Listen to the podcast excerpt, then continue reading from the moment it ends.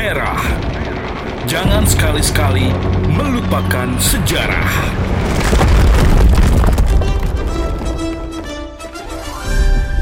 Assalamualaikum Gansis, sehat-sehat semua ya.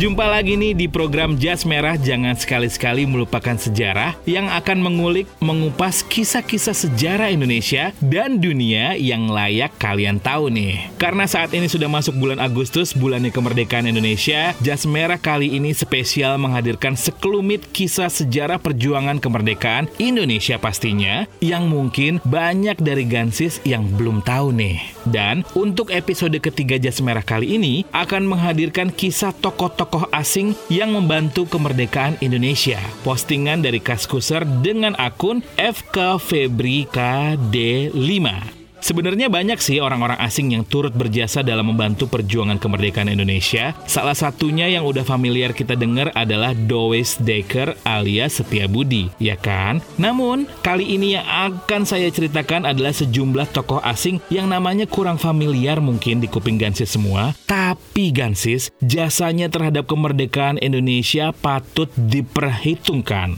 Sudah siap? Yang pertama, Laksamana Muda Maeda Tadashi. Laksamana Muda Maeda Tadashi lahir di Kagoshima, Jepang pada tanggal 3 Maret 1898. Beliau adalah seorang perwira tinggi Angkatan Laut Kekaisaran Jepang di Hindia Belanda pada masa Perang Pasifik. Selama masa kependudukan Jepang di Indonesia, Maeda menjabat sebagai Kepala Penghubung Angkatan Laut dan Angkatan Darat Tentara Kekaisaran Jepang. Sebagai seorang tentara Nippon, Laksamana Muda Maeda memiliki peran yang cukup penting dalam kemerdekaan Indonesia. Buktinya, ia mempersilahkan kediamannya yang berada di Jalan Imam Bonjol nomor 1 Jakarta Pusat sebagai tempat penyusunan naskah proklamasi oleh Soekarno, Muhammad Hatta, dan Ahmad Subarjo ditambah sang juru ketik Sayuti Melik. Maeda juga menjamin keamanan bagi mereka. Laksamana Muda Maeda meninggal pada tanggal 13 Desember 1977 pada usia 79 tahun. Dan kini bekas kediamannya itu menjadi Museum Perumusan Naskah Proklamasi.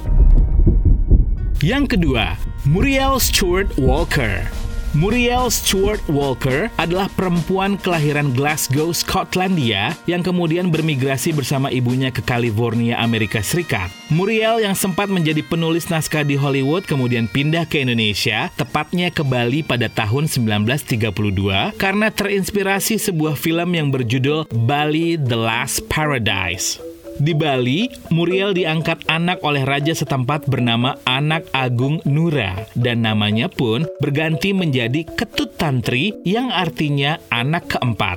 Lama tinggal di Indonesia membuat lancar berbahasa Bali dan Indonesia, Tantri pun mendirikan sebuah hotel di Kuta. Selama Perang Kemerdekaan Indonesia sekitar tahun 1945 sampai dengan 1949, Tantri direkrut oleh nasionalis Indonesia untuk bergerilya bersama Bung Tomo dan pejuang lainnya dalam pertempuran di Surabaya. Di awal-awal kemerdekaan Indonesia, siaran radio memegang peranan penting nih untuk mengirimkan pesan-pesan bangsa baru ke seluruh dunia agar bangsa-bangsa di dunia mengenali kedaulatan Indonesia. Tantri pun kemudian menjadi penyiar radio Voice of Free Indonesia yang kini menjadi Voice of Indonesia, sebuah divisi otonom di bawah RRI dan sempat menjadi penulis pidato bahasa Inggris pertamanya Bung Karno. Di sana Tantri membuat beberapa siaran dalam bahasa Inggris dengan target pendengar barat dan mendapat julukan Surabaya Su.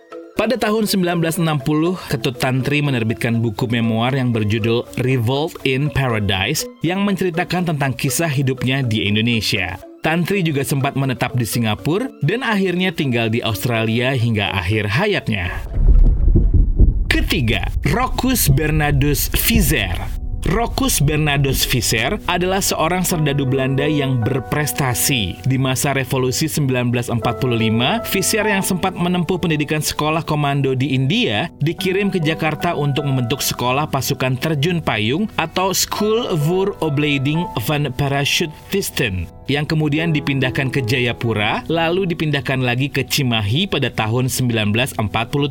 Fisher ternyata senang banget Gansis tinggal di Indonesia, sampai rela menceraikan istrinya yang berkebangsaan Inggris karena menolak untuk tinggal di Indonesia. Saat Belanda harus menyerahkan kekuasaannya kepada Indonesia di tahun 1949, Fisher pun memilih menjadi rakyat sipil dan tetap tinggal di Indonesia. Ia lalu pindah ke Bandung dan bertani bunga di Lembang, kemudian menikahi perempuan Sunda dan masuk Islam dengan mengganti namanya menjadi Muhammad Ijon Janbi.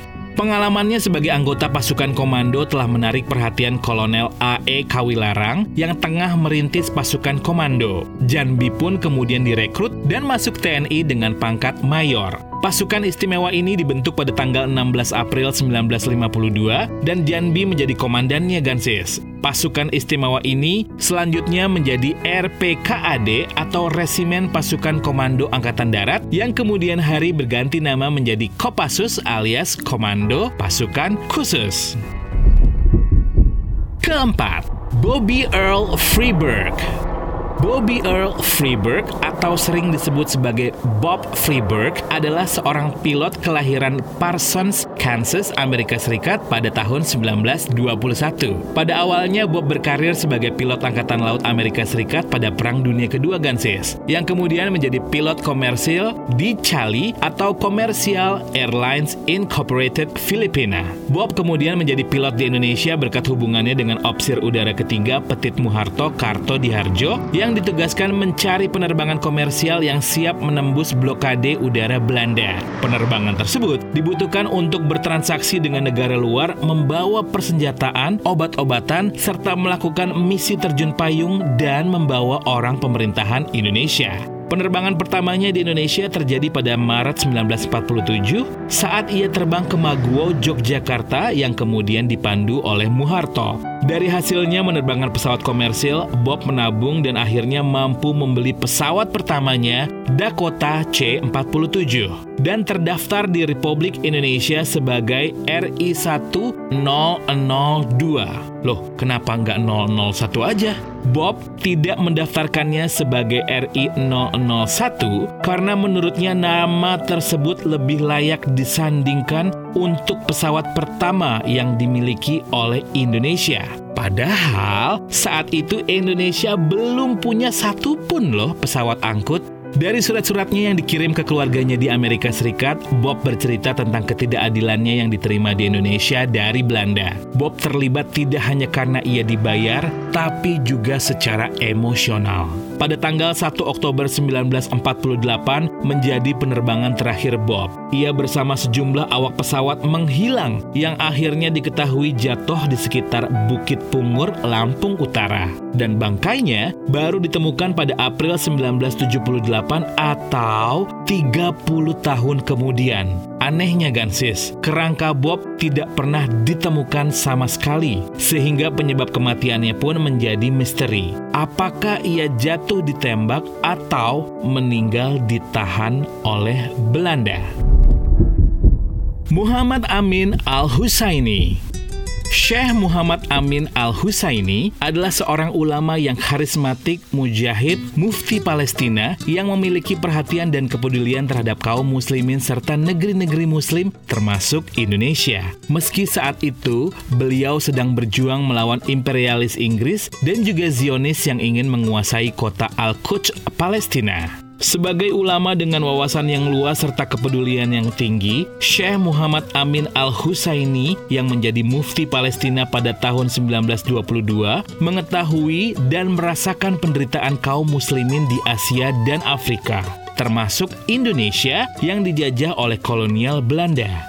Ia pun senantiasa mendukung kemerdekaan negeri-negeri muslim, Gansis. Bentuk konkretnya, saat nggak ada suatu negara dan pemimpin dunia yang berani mendukung secara tegas dan terbuka terhadap kemerdekaan bangsa Indonesia, Syekh Muhammad Amin Al-Husaini inilah yang pertama kali menyampaikan selamat atas kemerdekaan Indonesia. Ucapan selamat ia lontarkan lewat radio Berlin berbahasa Arab saat mufti besar Palestina itu melarikan diri ke Jerman pada permulaan Perang Dunia Kedua yang disiarkan radio tersebut dua hari berturut-turut. Syekh Muhammad Amin Al-Husaini dalam kapasitasnya sebagai mufti Palestina juga berkenan menyambut kedatangan delegasi Panitia Pusat Kemerdekaan Indonesia atau PPKI dan memberi dukungan penuh atas kemerdekaan Indonesia. Makanya kalau ada usara minor atau sinis yang menyebut ngapain sih Indonesia getol banget memperjuangkan kemerdekaan Palestina dari Zionis Israel? Nah, itulah sejarahnya Gansis. Jadi, orang-orang Indonesia masa kini terutama generasi milenial harus tahu sejarahnya. Ingat, jas merah. Jangan sekali-sekali melupakan sejarah. Itu dia Gansis, sepenggal sejarah dari tokoh-tokoh asing yang membantu dalam perjuangan kemerdekaan Indonesia, postingan dari Kaskuser dengan nama akun FK Febri KD5. Masih ditunggu bagi Gansis yang memiliki kisah sejarah Indonesia maupun dunia, silahkan posting tulisannya di forum sejarah dan senologi ya. Kali aja bakal kita angkat kisahnya di podcast Jas Merah. Alright, sampai di sini dulu jas merah. Jangan sekali-sekali melupakan sejarah. Sampai ketemu di episode selanjutnya. Jas Merah. Jangan sekali-sekali melupakan sejarah.